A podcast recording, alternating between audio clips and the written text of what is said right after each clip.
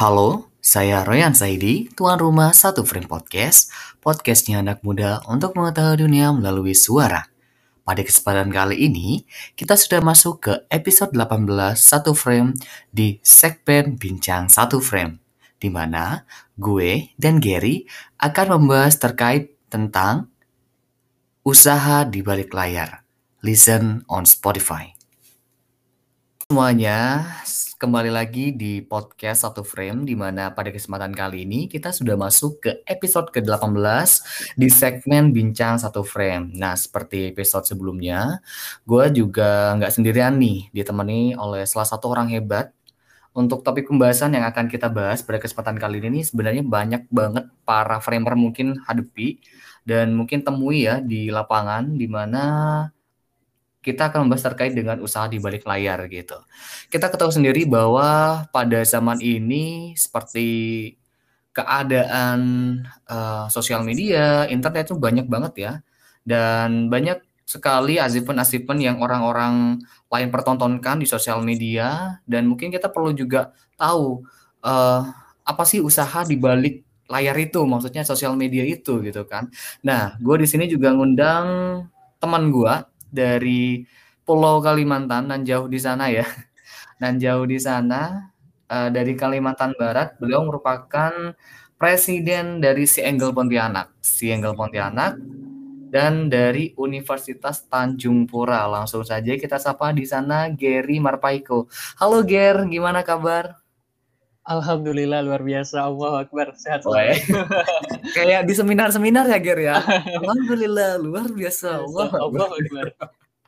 Oke, gue gue lihat Gary nih ya, dia tuh orangnya positif vibe sekali gitu loh, kayak nggak ada beban kehidupan gitu, kayak seneng sekali gitu ya Gary ya. siap siap. Oke, untuk saat ini nih sibuk apa nih Ger? Kalau untuk sekarang saya tuh sibuknya karena kemarin masa transisi untuk mm -hmm. ke beberapa kepengurusan organisasi saya, jadi mm -hmm. lebih ke banyak uh, proses untuk musta, menyiapkan file-file untuk musyawarah tahunan, kemudian juga kemarin baru menyelesaikan studi dan juga lagi fokus kerja sekarang. Wow. Dan kebetulan saya juga lagi mau mengembangkan startup digital seperti itu. Jadi masih on progress untuk hal-hal yang sifatnya adalah sustainability buat kehidupan selanjutnya seperti itu sih. Mantap. Jadi berarti Gary ini udah lulus ya BTW ya? Iya, alhamdulillah. Lu angkatan berapa sih, Ger? 17 atau 18? 2017. Wah, baru lulus ya. Alhamdulillah lu lulus. Doakan ya saya menyusul Anda gitu ya. Amin, amin. Saya doakan. Ya. Semoga ya. Semoga. lu banyak sibuk ya sekarang kerja gitu. Kerja, kerja apa nih? Uh, sekarang di konsultan. Wow. Di bidang infrastruktur perairan dan juga agrikultur. BTW lu kan anak teknik ya, Ger ya? Iya, bener Wow, ya. Kehidupan Anda sudah sudah uh, sudah cukup cerah ya, Wak ya, kalau bisa dikatakan udah udah kerja gitu kan ya. Uh, BTW BTW hubungan gimana? Ada nggak pasangan nih? Boleh nih. Mumpung ada yang banyak nonton, uh, nonton atau mendengarkan ya istilahnya. Uh, yeah. Boleh dong kalau misalnya kepincut sama saya, DM aja ya. di di Oke. Oke. Ini buat para framer di rumah ya, apalagi yang perempuan nih, khusus buat yang perempuan. Kalau pengen kenal uh, Gary Marpahiko, langsung aja di Instagramnya ya Gary ya, at Gary Marpahiko. Siapa tahu cocok gitu ya. Siapa tahu. Barangkali jodoh ya. Iya, kan jodoh itu nggak ada yang tahu gitu ya Gary. Bener, bener, bener, Nah, uh, Uh, kita tahu untuk saat ini tuh ternyata banyak fokusnya nih, uh, Gary ya, kerja tadi juga fokus sama organisasinya gitu ya. Dan dari Presiden Senggol Pontianak itu tahun 2020 gitu kayak Gary, kemarin itu. Bener. Saya itu dipercaya sebagai presiden. Ya. Presiden itu istilahnya ketua ya, Kalian. Ya. Nah, itu untuk angkatan 2020-2021. Nah, sekarang saya tidak lagi menjabat sebagai presiden Singapura Pontianak, mainkan sebagai demisioner atau yeah. pembina lah istilahnya seperti itu. Ya, emang udah waktunya ya, wayahe yeah. ya, lengser gitu ya, Ger ya. BTW ini kalau gua gua tuh kan uh, gua ketemu Gary tuh tahun lalu ya, Ger ya. Di Bandung bulan Maret ya, di salah satu kompetisi lomba debat di mana beliau tuh punya positive vibe sekali gitu loh guys. Jadi dia tuh kayak gak ada problem sama sekali kayak uh, dia sumpah ya, gue gue pengen bilang nih ya, gue tahu ini anak pro banget tentang debat. Gue nih kita tuh satu satu room apa sih namanya itu ya? Roommate, ya? Iya, iya benar. Ya. kita dia roommate dan dia tuh telat, datangnya tuh telat gitu kan. Dia masuk ke uh, di situ, dia tanya gitu, gimana mas tadi ABCD apa JD gitu kan? Uh, gimana nih tentang debat gitu? Dia nanya ke gua gua kan nyubi banget kan. Masa nih anak tanya ke gua gitu kan? Eh ternyata ketika debat guys subhanallah anak ini nih bohongin gua adikku gitu. Gua batin gak sumpah. Ini anak ini anak ternyata pro banget debat. Bilangnya gak anu gitu bilangnya gak tahu. Sumpah ini keren banget. Ini benar-benar ini perlu dicontoh sih. Maksudnya lo lo sepunya apa pun lo nih ya lo se-skill punya apa pun itu lo tetap ngerendah ya. Ini ini cocok banget nih buat para framer di rumah walaupun lo punya skill banyak tapi bener-bener lo tetap ngerendah gitu. Jangan sampai gini lo gue gitu. Nah, kita balik ke topik lagi nih. Ini kan uh, Gary Presiden Single Pontianak 2021 gitu. Eh 2020 sorry, 2020. Boleh lah diceritain dikit nih para framer di rumah apa sih uh, single single ini sendiri dan single Pontianak mungkin gitu kan. Monggo. Oke, sebelum itu mungkin saya bahas dulu nih, uh, Royan, untuk mengenai pertemuan kita waktu itu di Bandung. Nah, oh iya iya boleh. Uh, uh, waktu itu tuh saya ingin sharing sih karena kita juga sama-sama roommate gitu kan. Jadi gimana gitu. Mungkin dirimu punya pengalaman di luar lebih banyak daripada saya. Jadi mungkin kita bisa saling keep in touch gitu sebagai yeah. bentuk bonding di awal. Nah, makanya saya banyak tanya sama dirimu gitu sih. Jadi insya Allah ke depannya kita harus jadi pribadi yang memang harus seperti Padi gitu ya. Yeah, yeah. Semoga bisa memberikan yang terbaik juga buat lingkungan sekitar kita. Gitu. Amin. Amin. Wah. Nah berbicara tentang single Pontianak buat teman-teman Framer ya namanya ya Royhan. Iya Framer Framer. Nah, single Pontianak itu merupakan sebuah movement sosial lingkungan yang diprakarsai oleh para pemuda-pemudi di Kalimantan Barat khususnya di Kota Pontianak terbentuk itu karena kita ingin menggerakkan uh, kegiatan yang ramah lingkungan dan bebas sampah dalam rangka untuk merin, menjaga Marine Debris, hmm.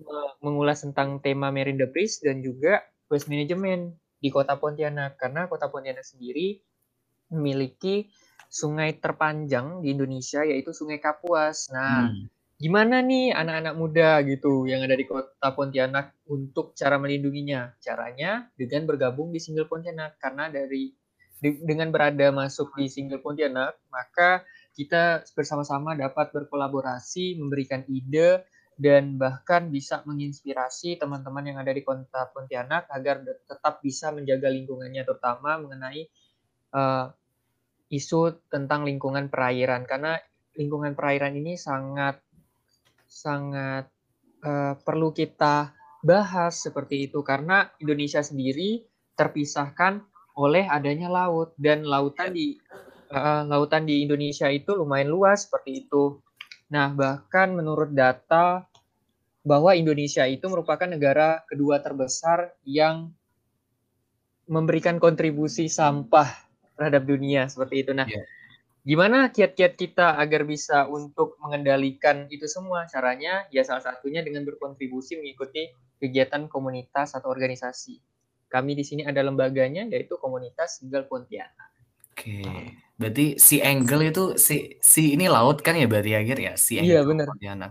Oh, I see si Angle Pontianak. Hmm, ya sih menarik sekali ya. Sebenarnya gue lihat juga di Instagramnya Gary sendiri itu uh, kontribut atau kegiatan cinta laut ya, cinta lingkungan ya kalau bisa di bisa dibilang itu banyak banget sih dan itu positif positif banget kayak uh, kayak tadi itu kayak mengurangi sampah yang ada di laut gitu dan lain-lain itu keren banget sih Ger lu Ger apalagi jadi presidennya gitu ini berarti sepontianak Pontianak ini kan kota ya berarti Bener. sepontianak lu lu jadi jadi ya ketuanya gitu ya apa sih yang lu iya. lakuin yeah. udah lakuin nih buat uh, di apa kontribusi lu di single Pontianak nih kemarin gitu. Al Alhamdulillah sejauh proses yang telah berlalu, hmm? kami sudah menggerakkan beberapa lokasi bahkan uh, bahkan di kabupaten yang ada di Kalimantan Barat kami juga hmm? turut menggerakkan para pemuda-pemudinya agar peduli terhadap lingkungan. terakhir pada masa jabatan saya kita datang nih ke Punggur Cerdas. Nah, hmm. di sana itu kita mengajarkan bagaimana untuk menciptakan suatu sustainability uh, mengenai lingkungan, terutama hmm. dalam menjaga waste management. Waste management yang seperti apa? Z untuk menciptakan zero waste. Zero waste hmm. itu adalah untuk menciptakan okay. emisi sampah hmm. dapat didaur ulang kembali dengan sistem 3R seperti itu. Karena kita mau berbelanja misalkan beli barang di pasar, hmm. pasti ada kantung kresek yang dikasih. Nah, itu gimana caranya agar generasi muda ke depannya mereka tetap membawa tote bag saat berbelanja di mana pun dan saat berpergian mereka membawa tumbler atau botol minum dan juga box makanan.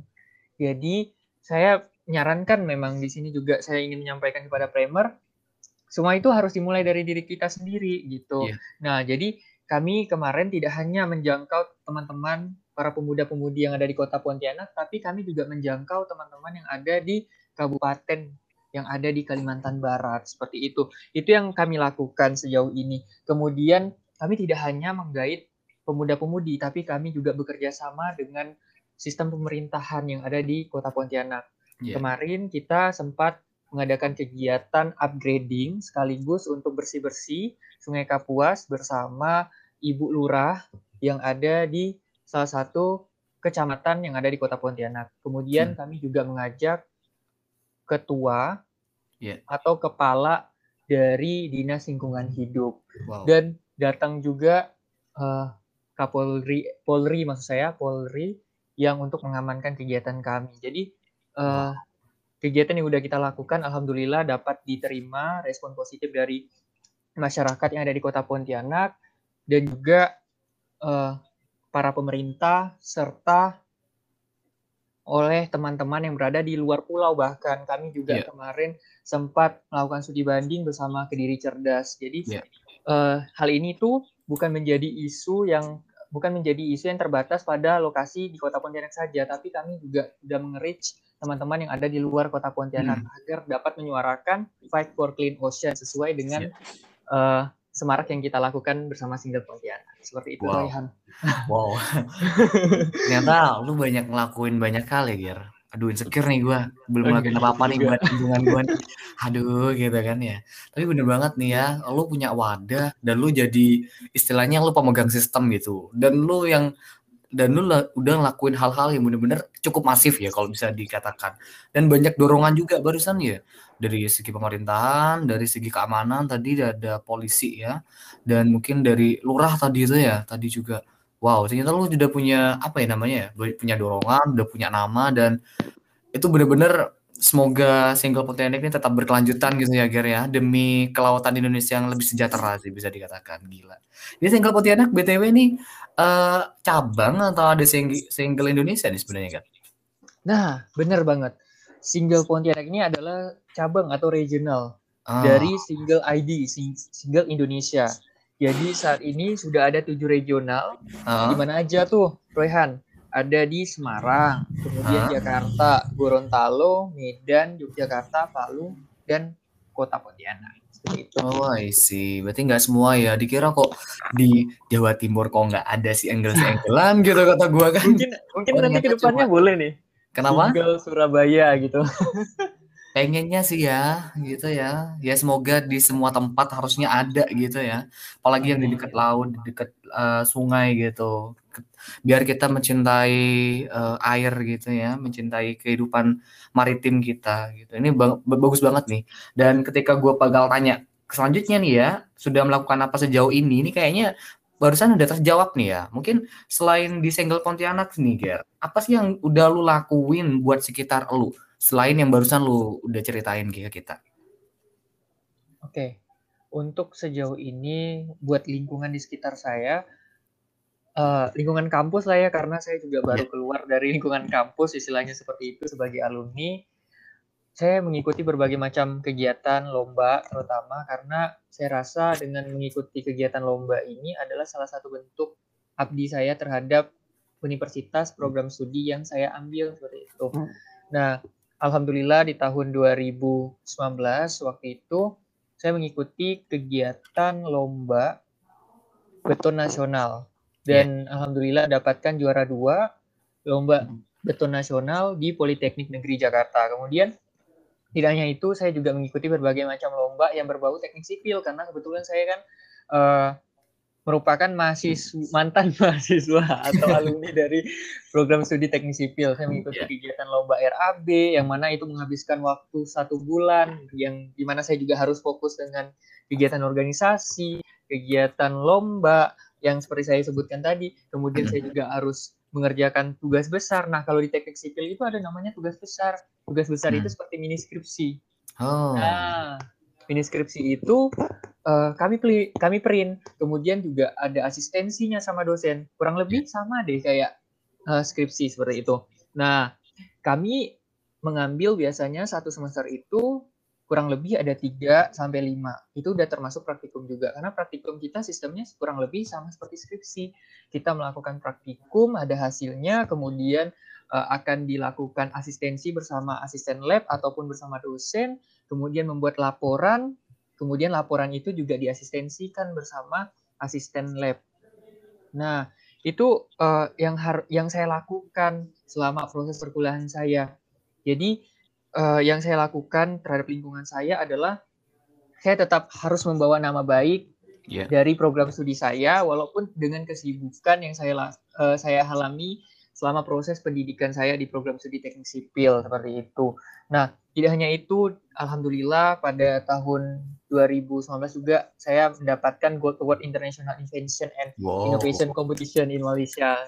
Uh, kemudian sempat uh, waktu itu lagi proses magang, saya alhamdulillah magang sebagai supervisor pada pembangunan uh, gedung proyek rawat inap RSUD Rubini Mempawah.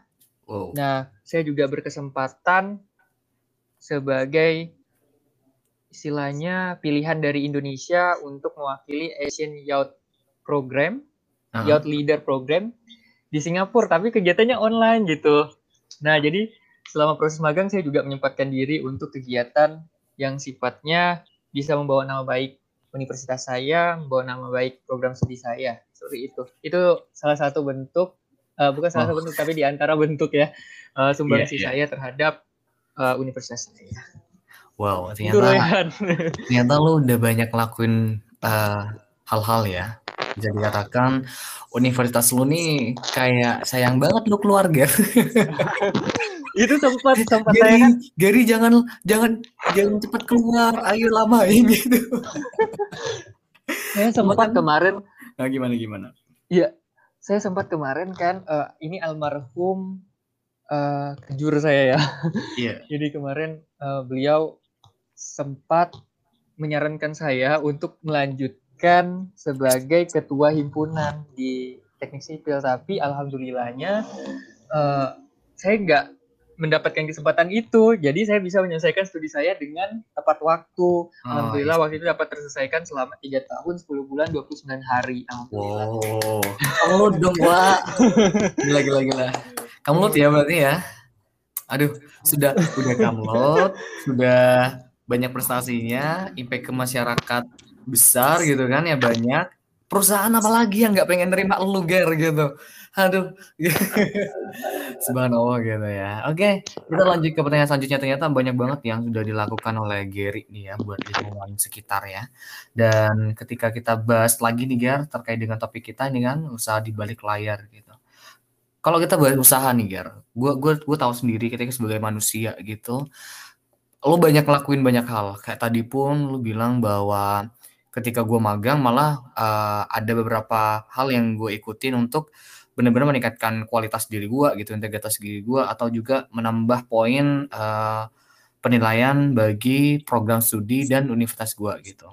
Gue tahu itu capek sih. Gue tahu. Jangan jangan bilang lo nggak capek dengan semua itu. Gue tahu itu capek karena gue udah ngerasain gitu. Nah, gue nanya, gue pengen nanya nih sejauh lu sampai di kuliah ya selama S1 itu usaha-usaha itu itu buat capek nggak sih lu Ger? Dan capeknya tuh karena apa? Kenapa? Dan gitu kenapa lu nggak capek kalau toh nggak capek itu gara-gara apa nih gitu? Monggo. Oke. Okay. Kalau jawaban jujur ya. Iya, jujur aja oh, sih, jujur, aja. Siap, jujur sebenarnya tuh nggak capek, nggak capek karena saat melakukan berbagai macam usaha dan bisa diterima orang, eh, terutama dalam istilahnya di sini universitas itu welcome dengan segala bentuk yang saya lakukan. Jadi di situ saya merasa senang gitu. Apa yang saya lakukan ternyata bisa berdampak terhadap universitas saya, terutama program studi. Namun saya sempat capek juga karena mendengarkan berbagai macam omongan ya mungkin orang-orang yang kurang pro terhadap kegiatan yang istilahnya sangat mengekstra, menghabiskan oh, iya. waktu seperti itu. Kenapa tidak fokus saja dengan pendidikan? Kenapa tidak fokus dengan pekerjaan misalkan? Kan kita hmm. perlu membangun karir seperti itu. Yeah. Kenapa kita harus berfokus pada hal-hal yang sifatnya untuk membawa nama baik universitas atau program studi kita seperti itu? Lebih baik lebih baik sebenarnya memfokuskan diri kepada penghasilan atau karir, jenjang karir untuk ke depannya keberlanjutan dari hidup kita. Nah, itu kadang eh, kalimat-kalimat negatif itu itu sebenarnya juga kalimat positif, tapi uh, saya memikirkan dengan berbagai macam hal usaha yang telah saya lakukan tadi, hmm? itu artinya kayak nih orang mau menjatuhkan gua gitu ya. Oh, istilahnya istilahnya seperti itu. Nah, itu iya, kadang membuat kita capek juga memikirkan nah. hal-hal nah. terkait. Nah, itu sih yang gue maksud Ger. Gue tahu, gue tahu nih ya ketika kita mungkin uh, niatnya baik ya, niatnya untuk benar-benar peningkatan diri, achievement itu bakal baik untuk kita gitu loh. Tapi balik lagi karena kita hidup nggak sendirian ya pak ya pasti ada orang-orang di luar sana gitu. Bener, nah omongan-omongan yang mungkin kurang baik itu yang membuat kita capek dan itu kayak ah kayaknya nah itu kan gue gue ngerasain itu juga gitu. Ternyata lo udah ngerasain juga nih bertiga ya. Bener banget.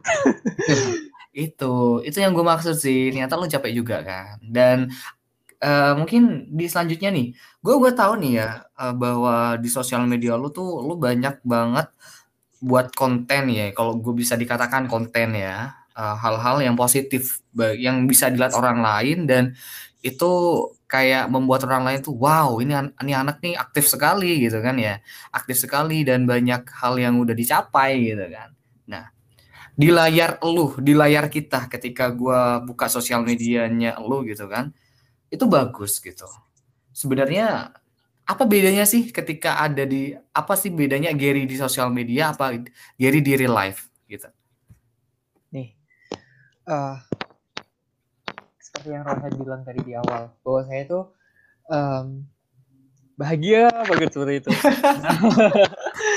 ya, di balik layar itu saya juga bahkan sempat nangis seperti itu dalam suatu kegiatan. Saya waktu itu sempat ikut kegiatan yang mana posisinya saya juga lagi proses penyelesaian studi dalam rangka bukan penyelesaian studi tapi lagi proses penulisan skripsi. Walaupun itu tahap akhir tapi saya harus menyempatkan diri untuk datang ke undangan.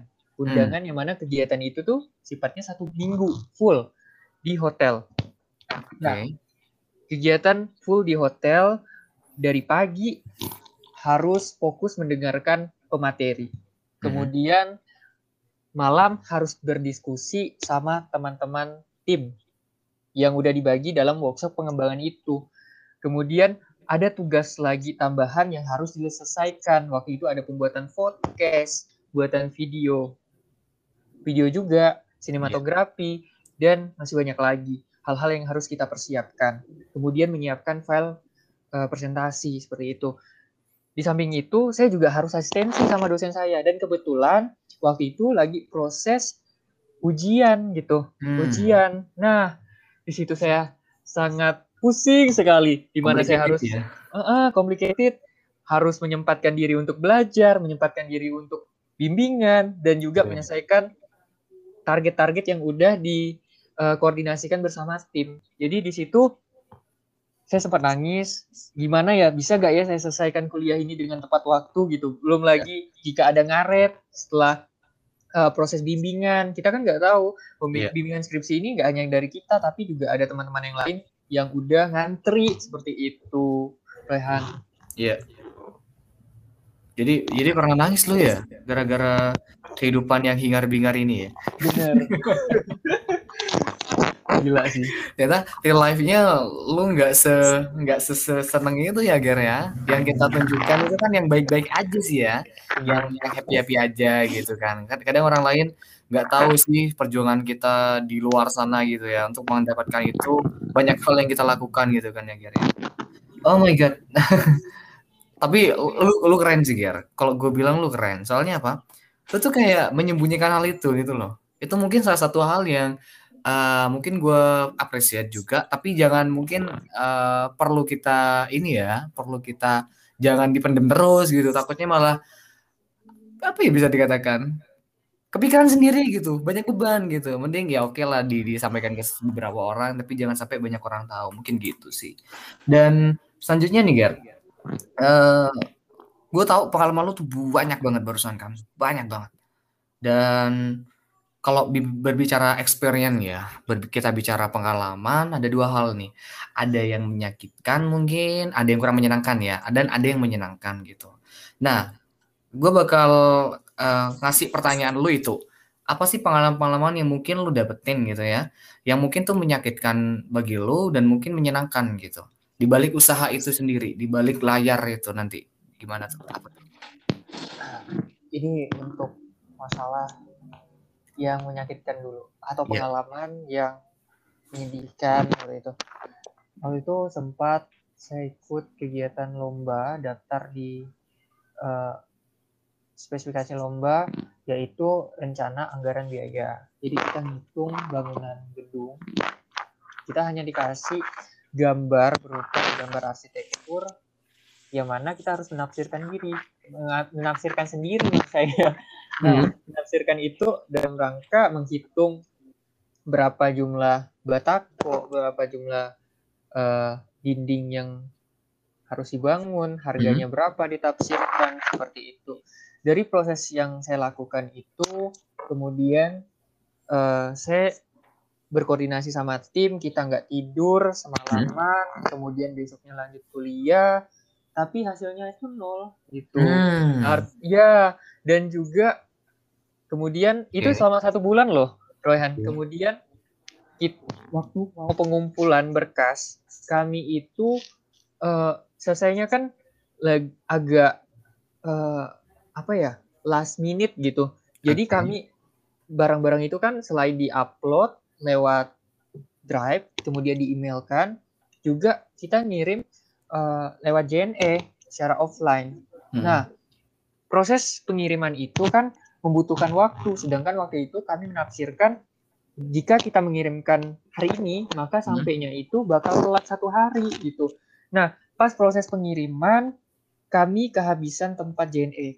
Semuanya udah pada tutup karena malam posisinya waktu itu. Hmm. Kita baru selesai kuliah sore, sekitar jam 4 sore. Kemudian kami melanjutkan uh, pengerjaan itu kurang lebih sampai jam 8 malam. Kami ngeprint lagi subuh seperti itu. Wow. Kemudian mau mencari tempat JNE yang bukannya 24 jam tapi tuh gak dapet gitu kan jadi akhirnya harus nunggu lagi besok gitu nah hmm. jadi kami telat ngumpulin akhirnya ya nggak lolos gitu padahal perjuangan kami cukup panjang kami harus konsultasi sama kontraktor karena kan yang tahu ilmu dalam perhitungan RAB itu sebenarnya ya kontraktor dan konsultan karena dosen pembimbing kami ini ngarahkan untuk uh, berkonsultasi dengan temannya yaitu orang kontraktor gitu. Hmm. Kami harus datang hujan-hujanan bertemu dengan pihak kontraktor terus uh, mencoba menafsirkan ulang hasil hitungan kami apakah sudah betul seperti itu. Uh. Ditambah lagi kita harus fokus dengan pengerjaan tugas besar yang seperti saya sebutkan sebelumnya yeah. begitu. Nah, tidak hanya sampai di situ sih Royhan. Saya juga punya pengalaman buruk sebetulnya hmm. dalam uh, waktu itu, tapi alhamdulillahnya ini uh, menyenangkan akhirnya kami mendapatkan ya ini yeah. cerita pengalaman yang menyenangkannya uh, ini untuk kegiatan yang lain kami mengikuti lomba beton nasional hmm. alhamdulillah juara dua tapi prosesnya itu panjang banget karena saat kita melakukan trial and error hmm. uji coba untuk pembuatan beton mutu tinggi beton itu adalah produk dari teknik sipil dalam rangka untuk menciptakan suatu konstruksi yang sustainability kan. Iya. Jadi yeah. uh, kita memanfaatkan limbah-limbah agar dapat didaur ulang dan dimanfaatkan jadi sebuah beton gitu yang yeah. ramah lingkungan. Yeah. Jadi kami mengambil kepah waktu itu karena kepah hmm. ini adalah salah satu produk limbah hmm. yang identik dengan provinsi Kalimantan Barat. Hmm, kami kami pulang kuliah itu aja udah sore kan. Hmm. Saya sempat waktu itu izin kelas ya. izin kelas dalam tanda kutip. Ya, yeah, ya. Yeah. Syukurnya ini dosennya baik gitu, jadi nggak tahu nih mahasiswanya mana-mana aja gitu kan. jadi kalau tidak salah saya 45 menit seperti itu. Hmm. Nah, belum lagi kami belum check-in, belum masukkan bagasi, bayar bagasi, sedangkan uang bagasi itu belum dikasih oleh pihak kampus. Akhirnya uh, dengan segala usaha kami, akhirnya dibantu oleh pihak dekan. Hmm. Waktu itu yang masih menjabat, kami dipinjamin uang untuk uh, untuk membayar bagasi. Tapi akhirnya kami juga kembalikan uang itu karena uh, proses proposal kami masih terbatas hanya pada penerbangan, belum sampai masalah bagasi. Tapi akhirnya kami proses kembali setelah kepulangan kami dari Jakarta ke Pontianak dan alhamdulillah hasilnya adalah juara dua Wih. nasional. Mantap. Usaha yang tidak mengerti hasil ya, Wak ya, bisa dikatakan ya. Dan itu tadi ada dukungan dari dekan gitu ya. Aduh, tuh berterima kasih banget tuh buat Pak Dekan nih ya yang dengerin nih podcastnya Gary ini. Terima kasih Pak Dekan. Tanpa Anda kita tidak akan juara dua gitu salah satunya. Iya benar. Tapi Bisa ini dikatakan uh, ya. Dekan tiga ya bukan Pak Dekannya sendiri. Oh, wakil Dekan tiga. Seharusnya emang Wadik tiga ya, biasanya ya. bantu ya. Bidang kemahasiswaan. Oke, okay, keren banget ya. Itu ternyata jatuh bangun tapi ada menyenangkannya gitu ya. Dan ternyata gue lihat Giri yang ada di sosial media itu di real life-nya beda banget ya. Banget banget sumpah. Uh, Giri ini padahal orangnya kayak uh, sangat-sangat apa ya sangat-sangat inspiratif bisa dikatakan ya sangat-sangat positif juga ternyata di balik itu buh perjuangannya luar biasa nih ya dan juga bapak Rafael di rumah jangan hanya lihat sosial media aja lihat juga perjuangannya kita nih ya perjuangannya Gary gua pribadi dan mungkin teman-teman kalian yang ben, sudah istilahnya kita posting sesuatu yang mungkin ya bisa dikatakan pencapaian itu bukan gara-gara ini lo gue itu enggak tapi bener-bener uh, apresiasi diri dan juga biar juga orang lain juga terinspirasi yang gitu nggak sih Gar sebenarnya tujuannya benar banget hmm. sebenarnya bukan ingin menyombongkan diri sih ya yeah. uh, tapi temanku pernah bilang gini kenapa Gar sering posting posting di Instagram aku tuh insecure gitu. Oh ya tapi uh, dari yang paling dalam aku tuh ingin teman-teman aku yuk bisa yuk gitu. Kita tidak boleh stop sampai di sini. Tapi coba deh usaha kayak gini dan kayak gitu.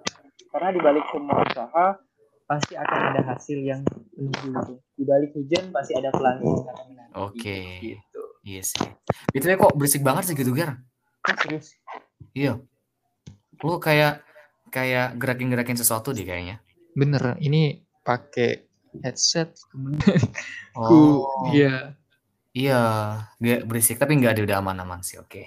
Jadi gitu ya guys. Jadi jangan terlalu melihat sesuatu tuh dari yang apa yang kita lihat.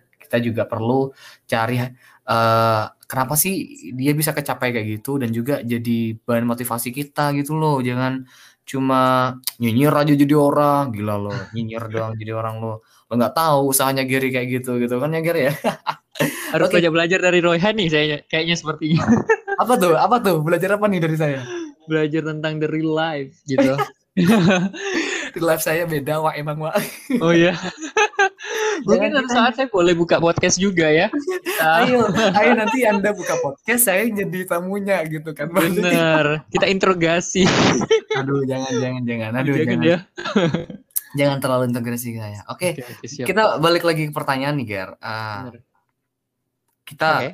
barusan lu berarti bisa dikatakan pernah down ya, pernah down. Sampai nangis kayak gitu kan pernah dikatakan pernah down gitu. Uh, pas waktu down itu gimana sih tanggapan lo gitu? Mungkin apa yang lo lakuin dan mungkin ada hal lain selain yang lo ceritain tadi, hal-hal yang seharusnya lo ekspektasi nih berhasil itu enggak sesuai sama ekspektasi lo gitu lo, Ger. sebetulnya yang membuat saya down itu bukan tentang hal yang tidak sesuai dengan ekspektasi, hmm. tapi nah. lebih kepada penyesalan terhadap hal-hal yang mungkin waktu itu harusnya saya lakukan, tapi tidak saya lakukan seperti itu. Hmm, nah, untuk hal-hal yang sudah saya lakukan, saya merasa bahwa itu adalah hal yang tepat. Tapi kadang yang membuat saya down itu adalah hal-hal yang harusnya saya lakukan, tapi tidak saya lakukan dengan baik. Nah, itu yang membuat saya down. Kemudian, hal yang membuat down lainnya adalah saya kadang merencanakan hal yang uh, harusnya seperti ini. Tapi uh, waktu eksekusi, saya kurang matang gitu dalam hmm, mempersiapkannya. Hmm, I see. I see, nah, I see. Padahal saya sudah berkorban gitu. Karena kayak persiapan lomba aja itu tidak membutuhkan waktu yang sebentar dari proses pendaftaran, yeah. proses pengurusan proposal, yeah. proses keberangkatan, proses menuju ke bandara, proses perizinan kepada dosen agar bisa mendapatkan dispensasi kuliah. Bahkan jika waktu proses lomba adalah di waktu ujian, yeah. Nah, itu kita harus mengajukan lagi surat tambahan untuk melakukan ujian susulan. Yeah.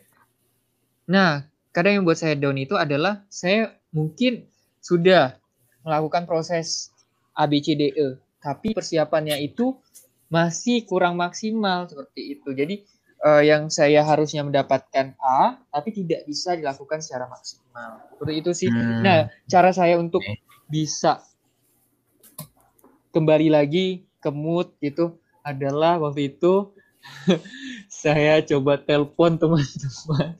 Selain itu spam sih. Jadi saya tanya, kalian capek gak sih? Udah itu sumpah. Mungkin uh, ada juga ya teman-teman primer yang di sini merasa capek dengan apa yang udah dia lakukan, kemudian yeah. merasa down gitu, iya. mencoba yeah. bangkit kembali dengan cara uh, menggait teman-temannya, terus ingin bercerita sama temannya. Nah, itu adalah hal yang saya lakukan. Kemudian okay. saya datang ke tepian Sungai Kapuas, merenung di sana, melihat panorama dari Sungai Kapuas sampai jam 12 malam. Wow. Iya. Ngapain lu jam 12 malam di sungai? itu lebih tenang aja sih sebenarnya. Kayak hmm.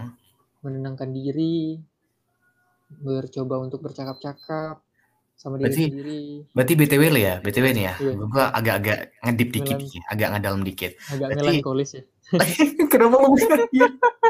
Kenapa ini udah makin melankolis ya makin lama? BTW nih ya, ketika lu ada problem gitu, berarti kan lu senang sendiri gitu kan. Kayak tadi mungkin lu lihat uh, apa namanya Sungai Kapuas ya, gitu kan yang sebenarnya lo rasain ketika sendiri dan mungkin merenung itu apa sih Ger? Apa yang lo pikirin gitu loh? Apa sih di sana? Yang gue pikirin?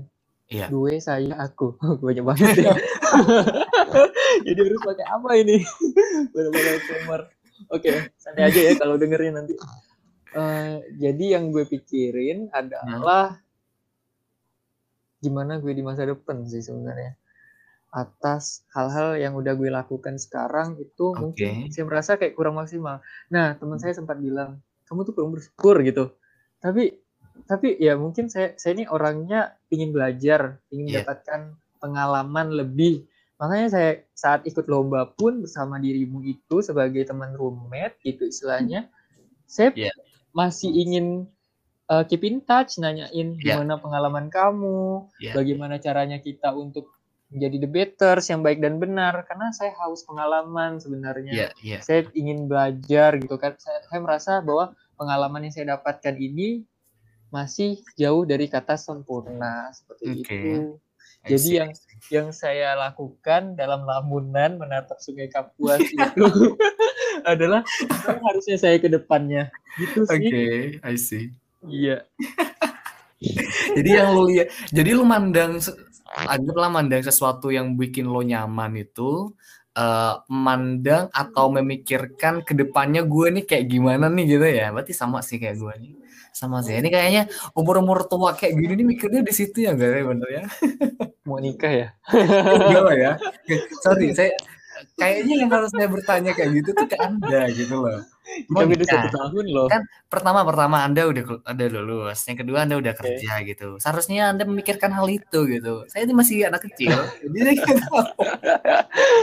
Dewasanya kapan dong? Dewasa saya belum. cuman belum besar gitu mungkin ya. Gimana sih? Ya, gitulah ya, bisa ya, dikatakan ya. Oke. Okay. Astagfirullahaladzim, kenapa sekarang bahas jodoh? Udah, udah, nggak usah bahas jodoh. Nggak pernah jodoh masih. Oke. Okay. Kali dapat jodoh uh, dari Premier. Oke, okay, lanjutkan. Siapa tahu ada yang cocok ya, Ger ya. Amin. Dengerin ya. Oke, okay, uh, eh, kita kalau pengen ngobrol banyak nih pengen ngobrol banyak Giger. Apalagi gue gak nyadar sudah 40 menit kita ngobrol tapi nggak kerasa gitu ya. Mungkin yang selanjutnya nih Ger pesan buat anak muda buat framer yang lagi dengerin di rumah gitu. Dari mungkin dari cerita lo dari pengalaman lo selama ini gitu. Apa sih yang pengen lo pesenin buat anak muda di luaran sana? Monggo. Oke. Okay. pesan gue nggak nggak begitu panjang sih sebenarnya. Ini berdasarkan real life pengalaman juga selama ini yang didapatkan. Yang pertama adalah manfaatkan kesempatan yang lu dapet sekarang sebaik yeah. mungkin karena kesempatan itu tidak akan pernah datang kedua kali. Yeah. kalaupun datang untuk yang kedua kali itu dengan situasi lingkungan dan orang yang berbeda. Jadi kalau bisa gunakan waktu sebaik dan semaksimal mungkin jangan sampai uh, throw your time yeah.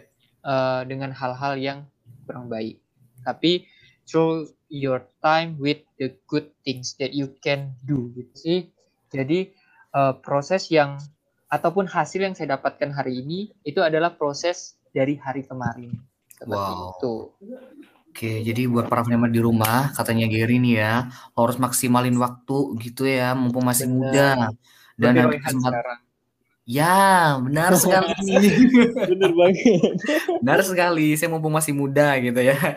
Saya pengen buat podcast ngundang Gary. Wow, BTW nih ya, gua ngundang Gary ini mahal banget ya. Jadi Pak harus dengerin dari awal. Berapa honor nih? Bercanda. Oh ya, saya tuh kebetulan juga uh, Master of Ceremony. Jadi kalau buat teman-teman bisa undang saya gitu ya, siapa tahu yang boleh ya, di Jakarta, boleh silakan. Sampai promosi ya, Wak ya. Bisa bantu gitu. Diskon. 50% deh buat teman-teman primer kan. promosi dikit gak apa-apa ya, Wak ya. Oke, siap. Anu, nanti di belakang ya bayarannya ya, Wak ya. Okay. promosi ya, Wak. Astagfirullahaladzim. Oke, okay, uh, eh, buat yang terakhir nih, Get. Uh, Ger konklusi yang mungkin lu bakal berikan terkait dengan pembahasan kita terkait dengan usaha di balik layar, monggo. Oke, usaha balik layar itu adalah sebuah usaha yang harus dilakukan uh, dari diri kita sendiri ya benar tadi kan yang gue uh, sampaikan di awal. Yeah. Terus sebuah program yang sedang kita lakukan sekarang, baik itu program dari diri kita pribadi atau program dari komunitas, organisasi, beasiswa bahkan uh, dan juga pendidikan dapat berhasil jika kita dapat mengubah perilaku diri kita yeah. pribadi dan juga lingkungan dengan cara bagaimana menginspirasi dan yeah. menjadi lebih baik dan dapat berlanjut untuk para generasi yang akan datang. Jadi konklusinya adalah usaha yang balik layar yang kita lakukan boleh kita maksimalkan semaksimal mungkin dan harus menghasilkan sesuatu yang dapat memberikan inspirasi bagi banyak orang karena inspirasi yang kita lakukan hari ini mungkin tidak bisa berdampak sekarang tapi yeah. di masa yang akan datang. Wow. Do the best, be good and you will be the best and your environment will do what you do now gitu sih. Wow, Gary Marmarito, Presiden Siang Pontianak. Thank you buat kesempatannya kali ini nih Ger, sangat luar biasa. Gua ngundang lu dan sorry ya ganggu ya malamnya ya. Semoga lu sukses ke depannya kalau udah kerja apalagi nikah ya. Gak apa-apa undang gue secara online ya. Siapa tahu gue bisa lihat ya online. secara virtual ya. Oke, okay. thank you very much buat Gary uh, Marpahiko. Uh, Presiden Senggol Pontianak 2020. Up, uh, dan karena kita sudah masuk ke menit 40 ya, udah mau ke 50 karena sebenarnya aku pengen ngobrol banyak sama Gary. Tapi karena namanya podcast gitu ya Gary ya, nggak mungkin kita sampai 24 jam gitu ya. Dan kalau memang teman-teman pengen ngobrol lagi sama Gary, pengen uh, lebih jauh tahu tentang Gary, langsung aja di Instagramnya @garymarpahiko gitu ya. Mungkin itu aja yang dapat gua dan Gary sampaikan di podcast pada kesempatan kali ini dengan topik pembahasan usaha di balik layar. Mungkin apabila ada kesalahan dari kata-kata kami berdua ya, kami mohon maaf karena namanya manusia ya gitu ya, Wak ya.